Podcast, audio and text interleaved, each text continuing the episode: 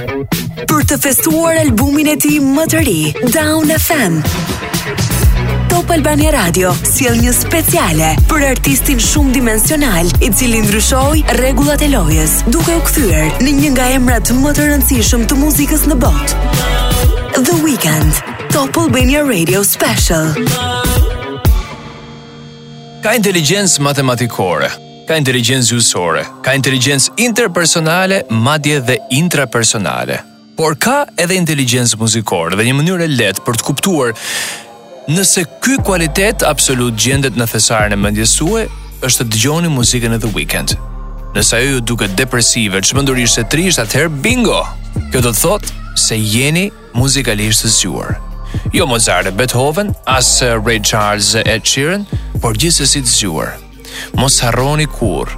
Pas ndjenjës që përjetoni teksa dëgjoni një vepër muzikore, fshihet pamja e fytyrës së krijuesit të saj.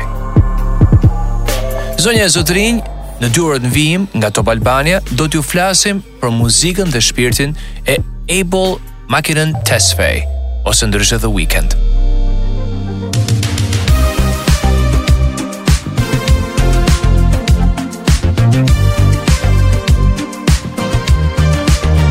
Pa mendoni pak, ideja e të qenit i famshëm s'është një shëtitje në park, Kur aq shumë njerëz flasin për dikë, atëherë ai shndërrohet në një objekt që shitet e blihet lart e poshtë. Pavarësisht nga sa mund të duket së jashmi, shumë njerëz të famshëm bien pre e abuzimeve me substancat narkotike dhe arsyeja kryesore për këtë është se shumica e njerëzve harrojnë që celebrities janë po aq njerëz sa çdokush tjetër.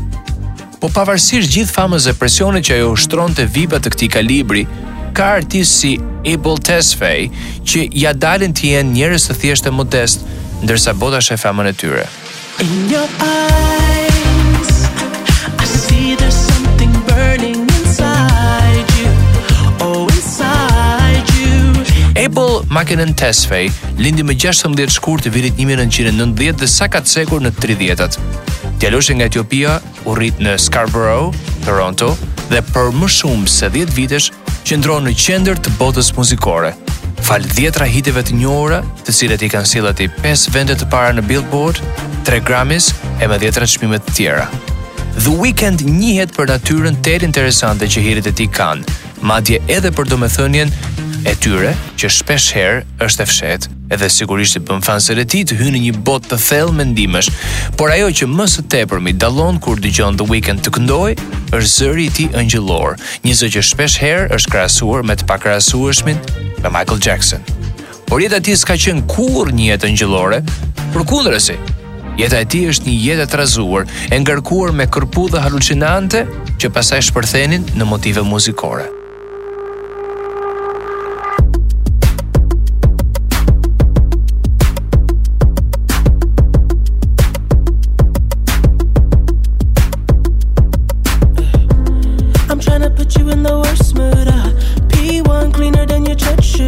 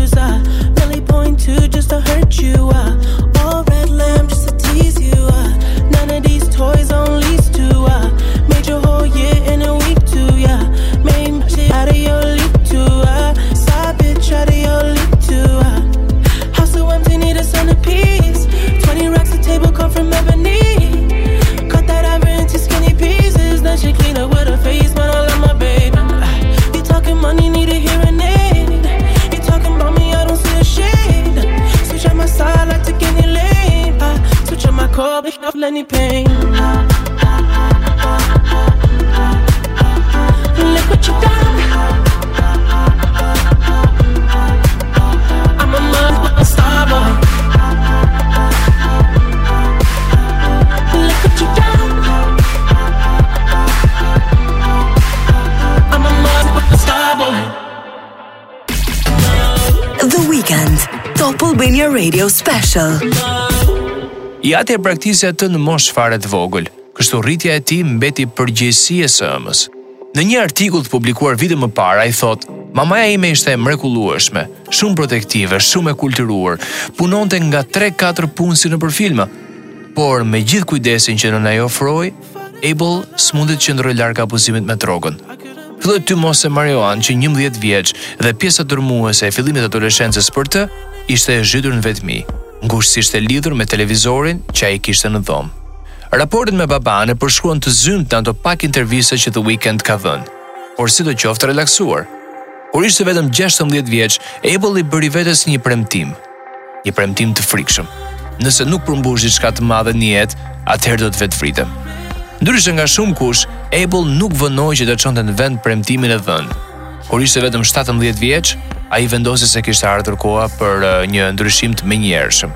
Prandaj së bashku me mikun e tij, Lamar Taylor, kur të dy ishin vetëm 17 vjeç, lanë gjimnazin dhe u larguan nga qyteza e tyre në Ontario pa as më të voglin paralajmërim. Padyshim që kjo zgjedhje la familjarët, veçanërisht mamanë e Abel Tesfaye, në gjendje shoku. Kur bashkë me Lamar Taylor mora dyshekun tim dhe e hodha në rimorkën e një kamionçine, mamaja më pa me atë lloj vështrimi që nënkuptonte kam dështuar me ty tani. Kështu shprehej ai gjatë një interviste 6 vjet më parë në një artikull të Tom Lamont në The Guardian.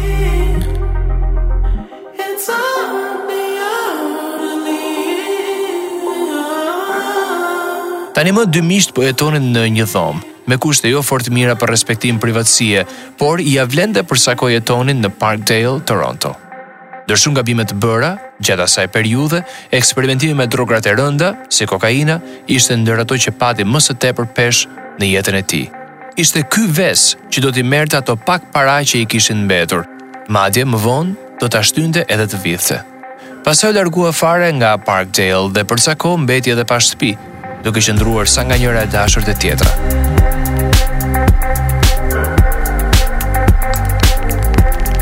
Përgjatë rrugës së tij të trazuar, The Weeknd u njoh me një producent të ri, të quajtur Jeremy Rose, që eventualisht do të zbulonte talentin e tij të jashtëzakonshëm.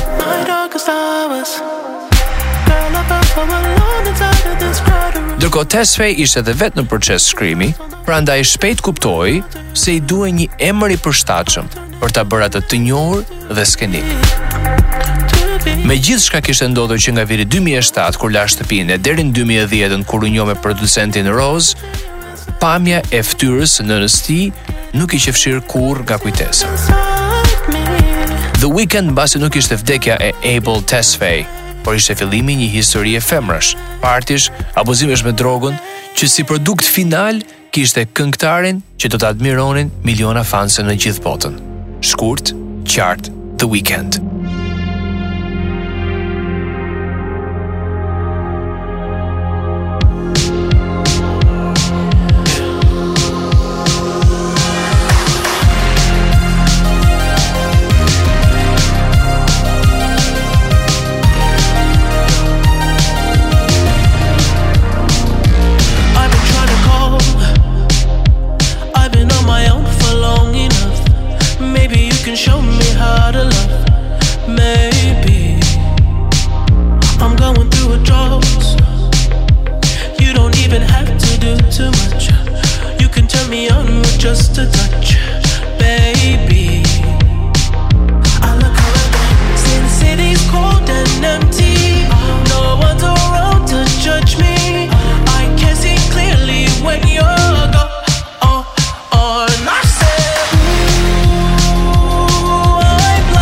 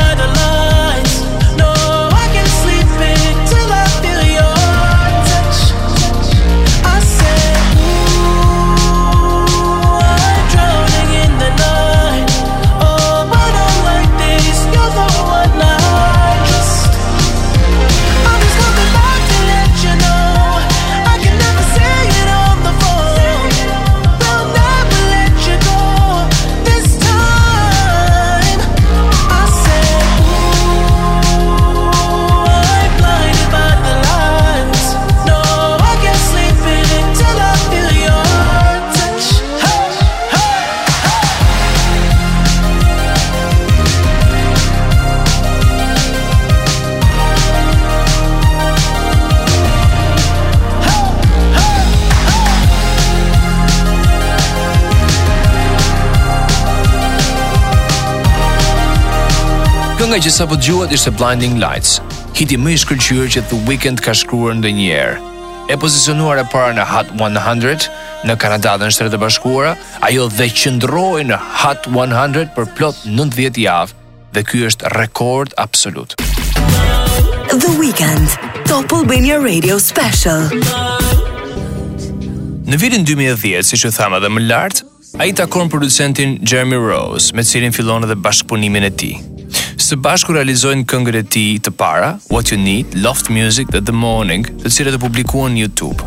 Megjithëse The Weeknd ishte i shqetësuar dhe ankthios për zërin e tij, ai qëndroi besnik vizionit për një rrymë të re dark R&B. Kjo përkonte me të vërtetat që ai dëshironte të shprehte me aftësitë e tij vokale. të vërtetat e ashpra që lidheshin me drogat që kishte përdorur apo me vajzat me cilat kishte fjetur. Kjo nuk ishte hera e parë që një artist rrëfente fantazitë e tij më të errëta nëpërmjet muzikës. Por çfarë e bëri të vërtetë dhe të veçantë këtë artist Ishte fokusi i lartë tek ky stil jetese. Ky i ndryshoi rregullat e lojës. Edhe pse ai i këndonte negativitetit, nuk e promovonte atë, madje kritikonte veten. Mënyra e jetesës së tij, pasi u largua nga shtëpia e mamasë, u përkeqësua, por ai ndjente një sens kontrolli mbi lirinë e tij. Abel, tashmë i njohur me emrin në skenik The Weeknd, po jetonte lirinë që kishte krijuar vetë. Nëpërmjet eksperiencave që e kishin gllabëruar nga televizioni, një botë e vogël që ai tani më kishte trilluar nëpërmjet drogës dhe fantazive që ajo i diktonte. Një botë e udhëhequr nga melankolia, droga dhe seksi, të gjitha këto ndjesi ai më vonë i titulloi House of Balloons.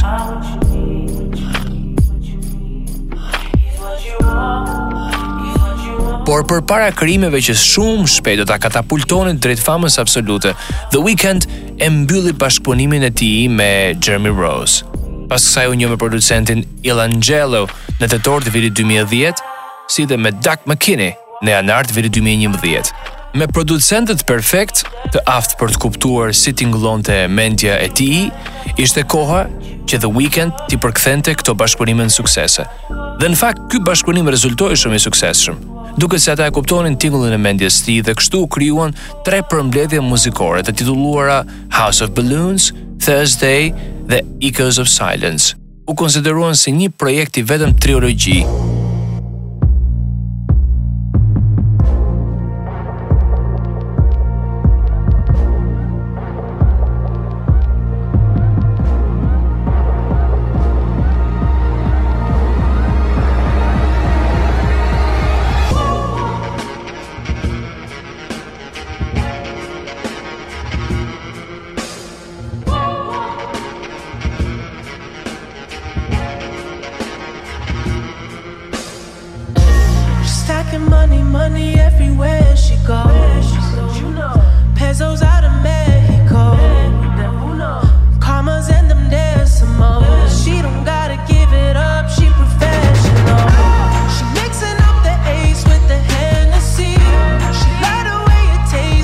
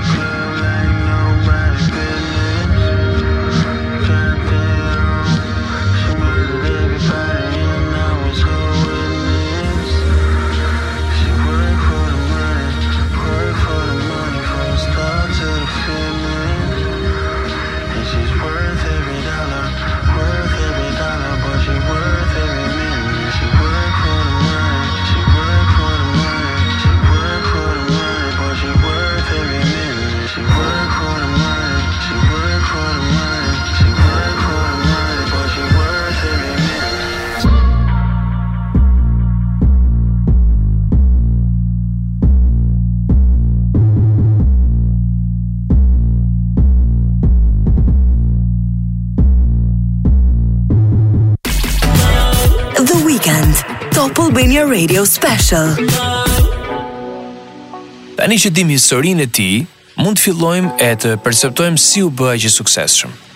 Me orë të gjata pune të palodhur dhe shumë talent, The Weeknd nuk nguroi të niste shtëpinë e tij diskografike të quajtur XO. Lançimi i tre përmbledhjeve muzikore, House of Balloons, Thursday dhe Echoes of Silence, ndryshon rregullat e lojës për gjithmonë. House of Balloons fliste për një burrë i cili humbte veten mes varësisë nga droga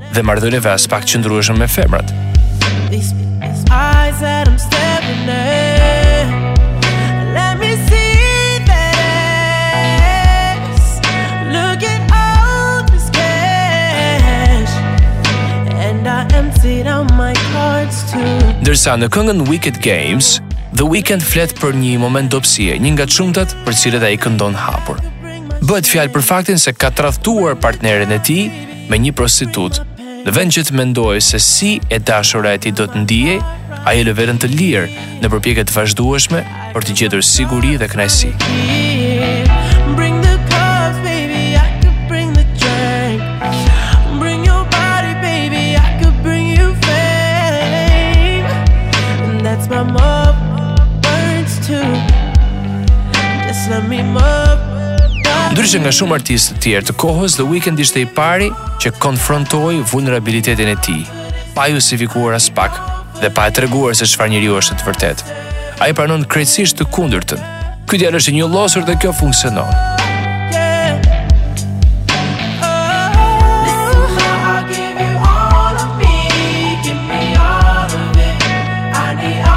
Me këngën Glass Table Girls, ai përpiqet t'i bindë njerëzit se festa e tij është dëfryese, teksa të gjithë janë nën efektin e marijuanës të mosur.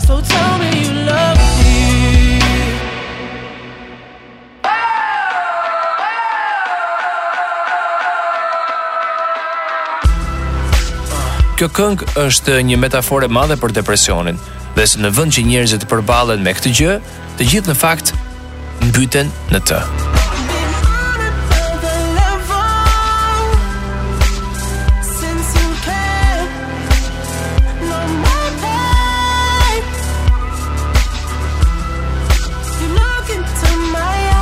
Të them të drejtën, Asnjëherë nuk lavdëroj dikë që përdor drogë apo tradhton. Por i gjithë qëllimi pse kemi simpati edhe për njerëz të tillë shpeshherë, është se një pjesë e jona e kupton ata, ndoshta edhe e gjen veten te ta. Ndërtimi i karakterit është çelësi më i rëndësishëm. Kjo vlen për muzikën, por edhe për gjithë kulturën popullore. E gjithë trilogjia e tij, me përmbledhjet muzikore, është e mbushur me eksese droge, dhe fantazi seksuale që vijnë në jetë me një atmosferë shumë depresive. Nëpërmjet House of Balloons, ai nuk përpiqet të zbukurojë vendimet e tij të gabuara. Ai përqafon hapur qasjet, por veprimet e tij nuk vijnë pa pasoja.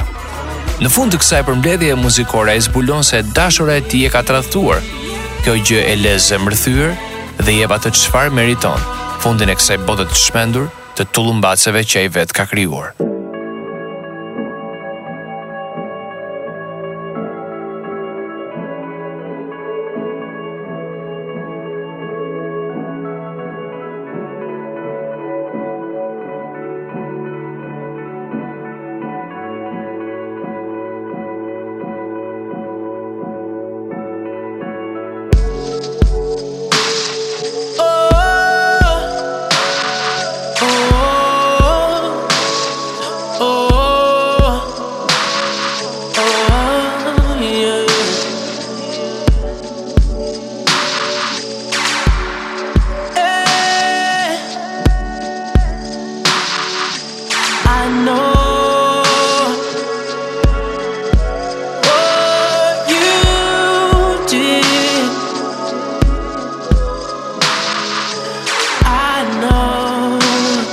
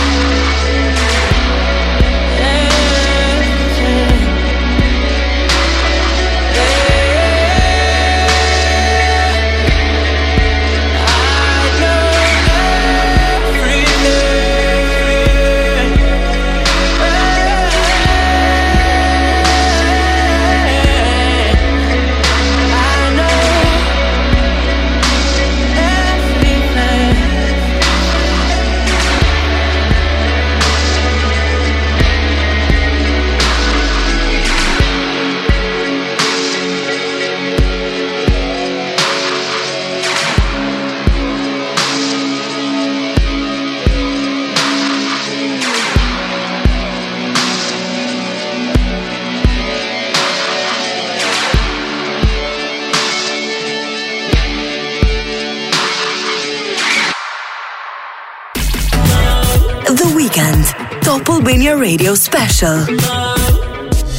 Le të shkojmë pak në retrospektivë, në 2010-ën kur The Weeknd publikoi uh, muzikën e tij për herë të parë në YouTube. Gjatë kësaj kohe, kur fansat e tij nuk e dinin ende nëse The Weeknd ishte një band apo një djalë i bardhë, ai u kontaktua nga Oliver El-Khatib, bashkëthemeluesi i October's Very Own dhe gjithashtu menaxheri i artistit kanadez Aubrey Drake Graham.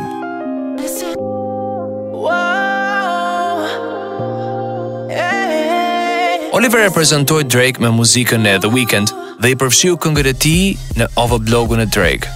Shkojmë një vit më pas në 2011-ën dhe shoqëria midis dy artistëve është në pikun e vet. Dëshira për një projekt të përbashkët u rrit pasi The Weeknd mori pjesë në Ovo Festin e përvitshëm të Drake, duke krijuar edhe tre këngë me reperin. Pjesa më e madhe e mbështetësave dhe fansave të tij, asokohe vinin pikërisht prej Drake. Duke parë suksesin, Drake i propozoi artistit të ri një ujdi nën menaxhimin e shtëpisë së tij diskografike, por The Weeknd nuk dëshironte të ishte pronë e një artisti tjetër. Ndaj në vend të kësaj, i dhuron Drake këngë të papublikuara ende. Nuk dimë të themi nëse ky ishte një gabim i artistit, por dimë se Drake nuk e priti mirë. I zhgënjyer nga vendimi i The Weeknd, ai i përdori këngët e dhuruara prej tij, duke i shtuar në albumin Take Care, të cilin e publikon në vitin 2011.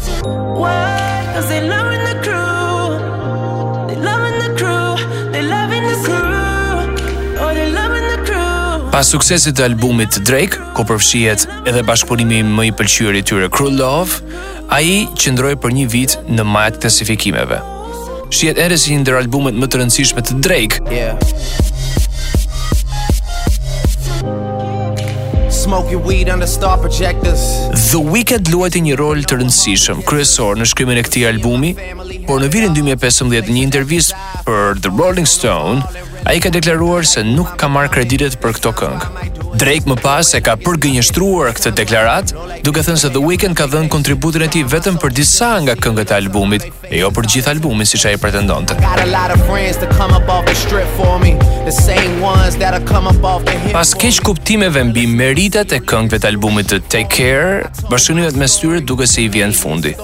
Këto ndasi do të ndiheshin më vonë dhe nëpërmjet postimeve të ndryshme në Instagram dhe rrjete të tjera sociale, por pavarësisht karakterit hakmarrës të Drake, The Weeknd zgjedh të qëndrojë modest dhe me këmbë në tokë, duke ia lënë opinionit publik gjykimin e raportit mes dy artistëve.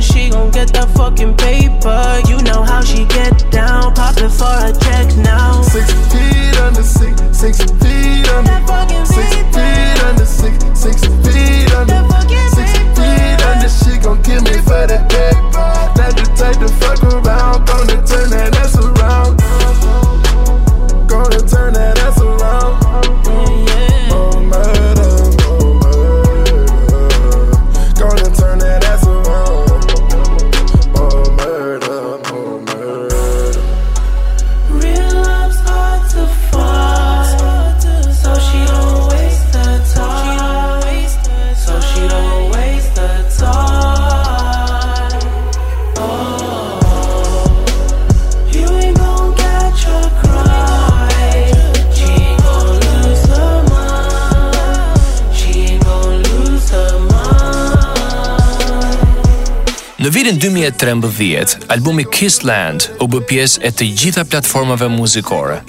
Shumë prej fansave të tij edhe sot janë të dashuruar me këtë album, më së shumti prej kulturës japoneze që ka në përmbajtjen e tij. Artisti i kalon kufijtë e R&B-së me stilin e tij unik të vokalit, instrumenteve muzikore dhe teksteve të këngëve. Influencë aq e fortë sa që mund të themi se ka luajtur një rol të rëndësishëm dhe në zgjedhjet artistike të shumë reperëve të tjerë të ditëve të sotme. Impakti që XO ka në gjeneratat e reja është i padiskutueshëm.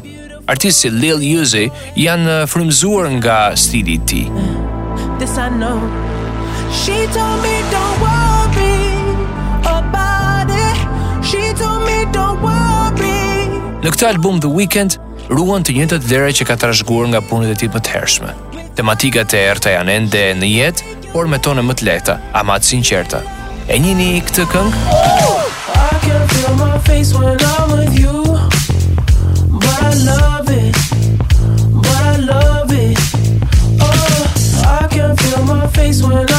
Teksti i këngës i referohet artistit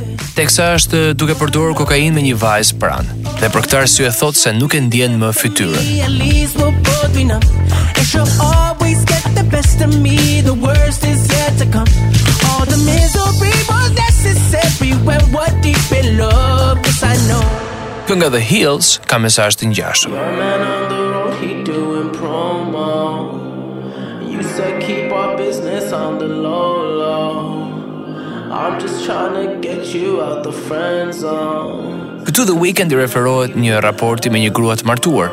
Ai kërkon që ajo ta prekë atë vetëm seksualisht dhe të mos ketë një lidhje emocionale me të. Sërish në qendër të këngëve janë anët e tij të errëta, të cilat nuk i fsheh për asnjë moment.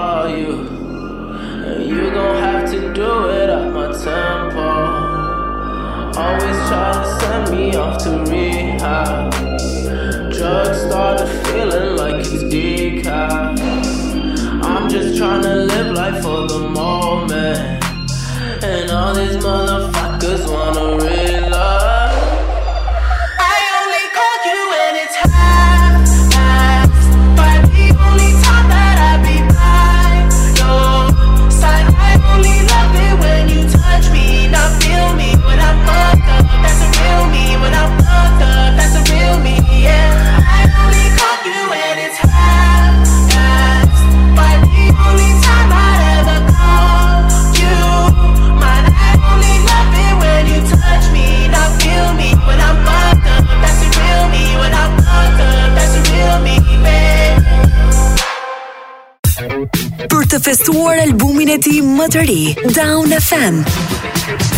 Top Albania Radio sjell një speciale për artistin shumëdimensional, i cili ndryshoi rregullat e lojës, duke u kthyer në një nga emrat më të rëndësishëm të muzikës në botë. The Weeknd, Top Albania Radio Special. The Weeknd e donin të gjithë. Është e rrallë të lexosh diçka të keqe apo të papëlqyeshme për të në rrjet. Dhe ai, duke qenë i vetëdijshëm për këtë, vendos t'i japë personazhit të tij një pushim. Në 2015 The Weeknd takon supermodelen Bella Hadid, që do të bëhej e dashura e tij. Tell me what you really like Baby, I can take my time We don't ever have to fight Just take it step by step Kjo mbase është hera e parë që The Weeknd donte të ishte sërish Abel Makkonen Tesfaye duke i lënë mënjanë marrëdhëniet e tij kaotike me femrat e duke u bërë më i dedikuar pas një vajze të vetme.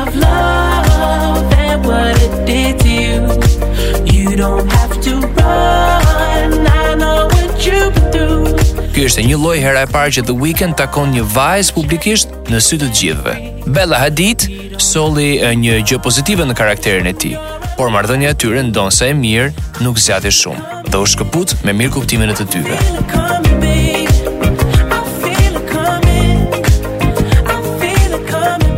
Mirëpo koha e solli, që bukuroshja Hadid tani më single, të organizonte një party ditëlindjeje dhe organizatori ishte vetë zoti Drake.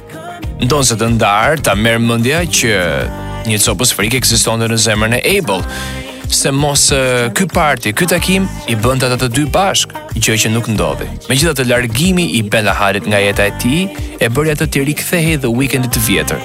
Kjo ndërthurje karakteresh mes dy gjysmave të të njëjtit person, s'do të thoshte gjë tjetër veçse rritje. Evoluimi i një artisti duket nga stili dhe luku i tyre. Kryesisht rritja e flokëve konsiderohet eh, si diçka impresionuese. Se fundja, flokët bien më tepër në sy. Flokët e The Weeknd ishin diçka speciale. Në 2010-ën e pak më vonë se aq, por ndërsa The Weeknd kalonte nga albumi i tij Beauty Behind the Madness 2015, albumi i tij i 2016-s i quajtur Starboy, flokët e tij shkuan. Ky ishte një tranzicion i vërtetë për The Weeknd, mbase për herë të parë në karrierën e tij, The Weeknd ndryshoi edhe qasjen e tij muzikore. Sex pop dhe dark tones që e karakterizonin u zëvendësuan me electronic pop dhe me një stil muzikor më pranë masës.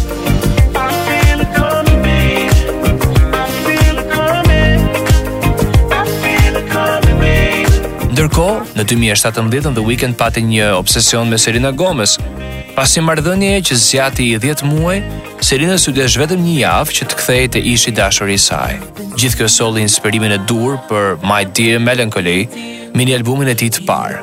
Kjo qe një pikë ndryshimi për The Weeknd. Këtu asgjë s'i ngjante më asaj që dikur ai këndonte. në House of Balloons po themi. We don't have to rush when you're alone with me. I feel it coming.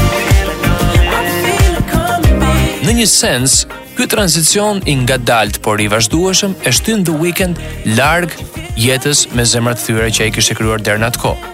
Përfundimisht, Abel dhe The Weeknd gërshetohen në një, por tani duket sikur dy gjysmat e pranojnë më mirë njëra tjetrën.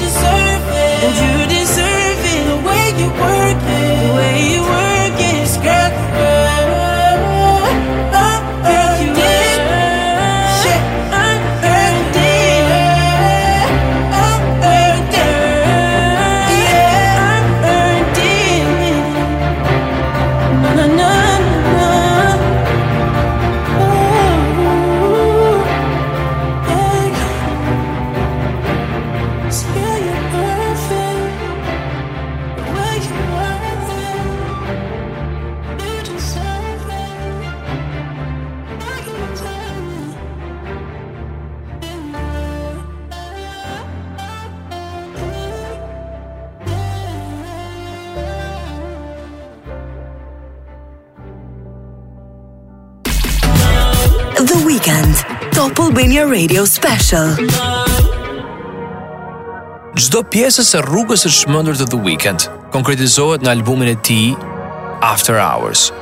Kurrë më parë s'kishte qenë kaq i vendosur për ta çbërë personazhin që vetë kishte krijuar dhe kurrë s'kishte vuajtur më shumë se tani në këtë mision personal. Ky album ishte i pasuruar me pop synths që në një kontekst të caktuar bashkë me instrumente të tjera të viteve 80 shërbenin si një metaforë e të shkuarës dhe e pamundësisë për t'u ndarë prej saj. Para se ky album të dilte në treg, The Weeknd publikoi uh, një videoklip si për Heartless, ashtu edhe për këngën uh, Blinding Lights. Këtu për herë të parë, Abel e portretizon The Weeknd si karakter, me tragjedinë e tij personale që artistikisht shprehet si në muzikën dhe në tekstet e tij, por njëlloj edhe në videoklipet e tij. të cilat pastaj bëhen njëra më tragjike se tjetra.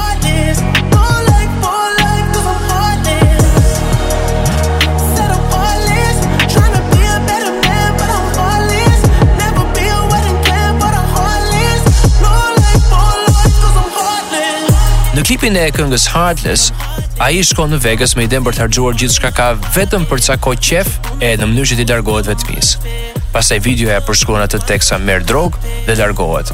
Vetëm për t'u rikthyer në videon e lidhur të Blinding Lights, në këtë klip ai shihet teksa i jep me shpejtësi automjetit të tij. Pastaj duket i rrahur nga roja e një klubi nate dhe në fund sërish vrapon ndërsa përjeton efektet e një droge të çuditshme.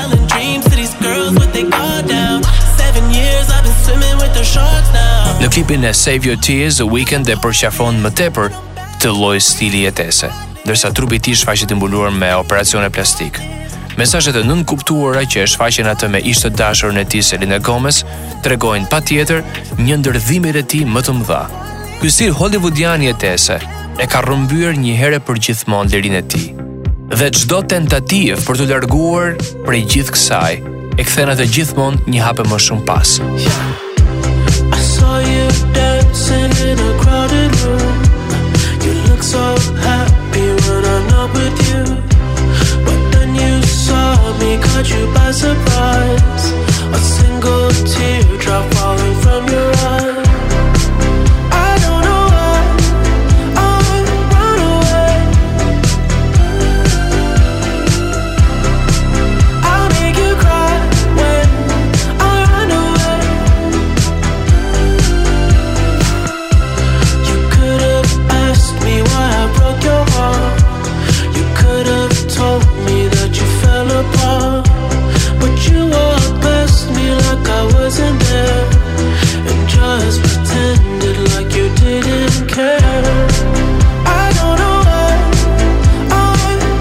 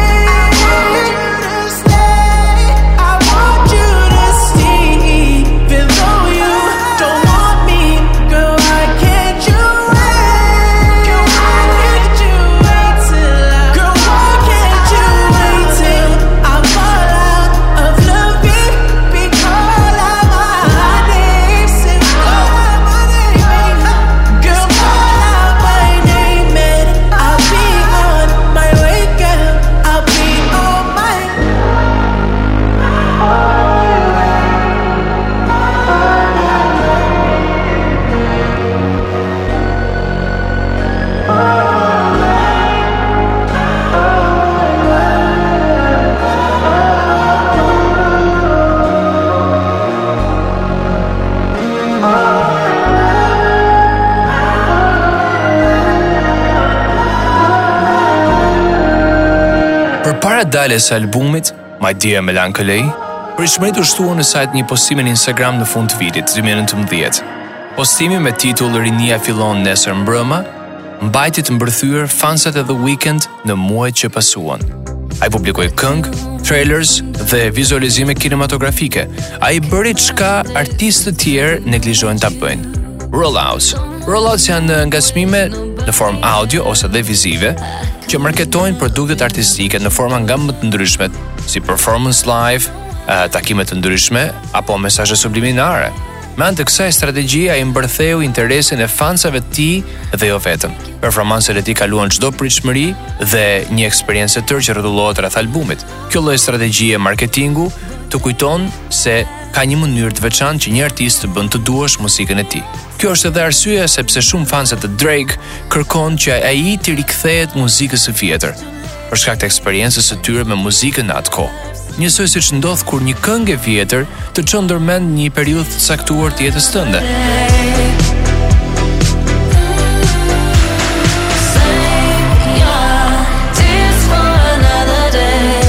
Albumi After Hours u publikua në mars të vitit 2020 dhe sërish në tekstet e tij fshihen temat e nënkuptuara.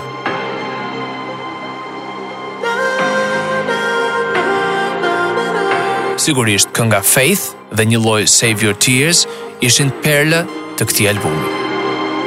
Shumë mund të mendojnë se dritat për të cilat artisti flet në këngën Faith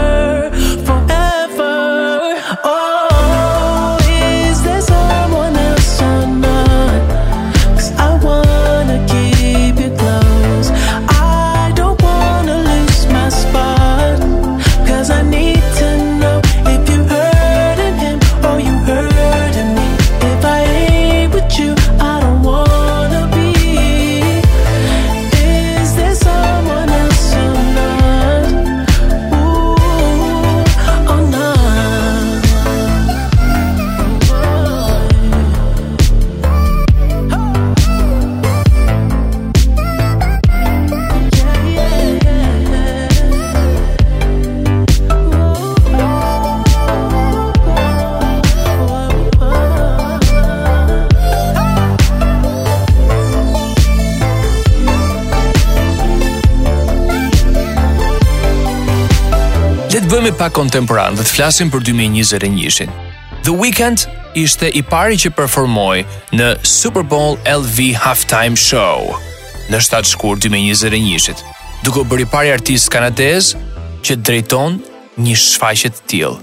Simbas disa raportimeve, vetë The Weeknd ka shpenzuar mbi 7 milion dollar personalisht për të krijuar e për të qenë pjesë e kësaj shfaqjeje. Megjithatë, mendohet që audio dhe mikrofonët patën ca probleme ndaj dhe reviews për këtë performancë kanë qenë disi të përziera. Jo fort të mira, por as edhe të dobëta. Ndërkohë më 6 gusht 2021-it,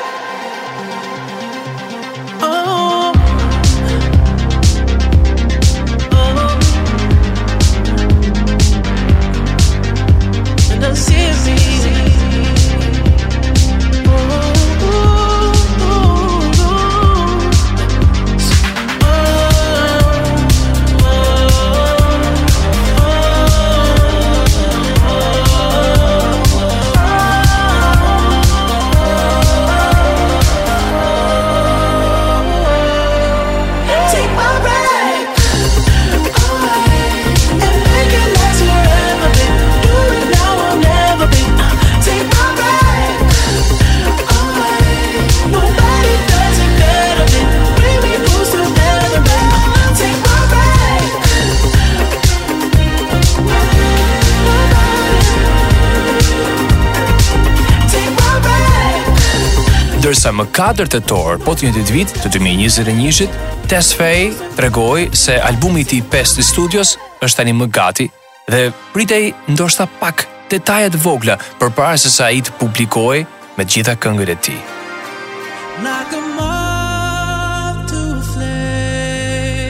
Projekte të tjera të rëndësishme për The Weeknd në vitin 2021 ka qenë pa diskutim bashkëpunimi i tij me Swedish House Mafia me këngën Moth to a Flame, e publikuar më 22 tetor 2021.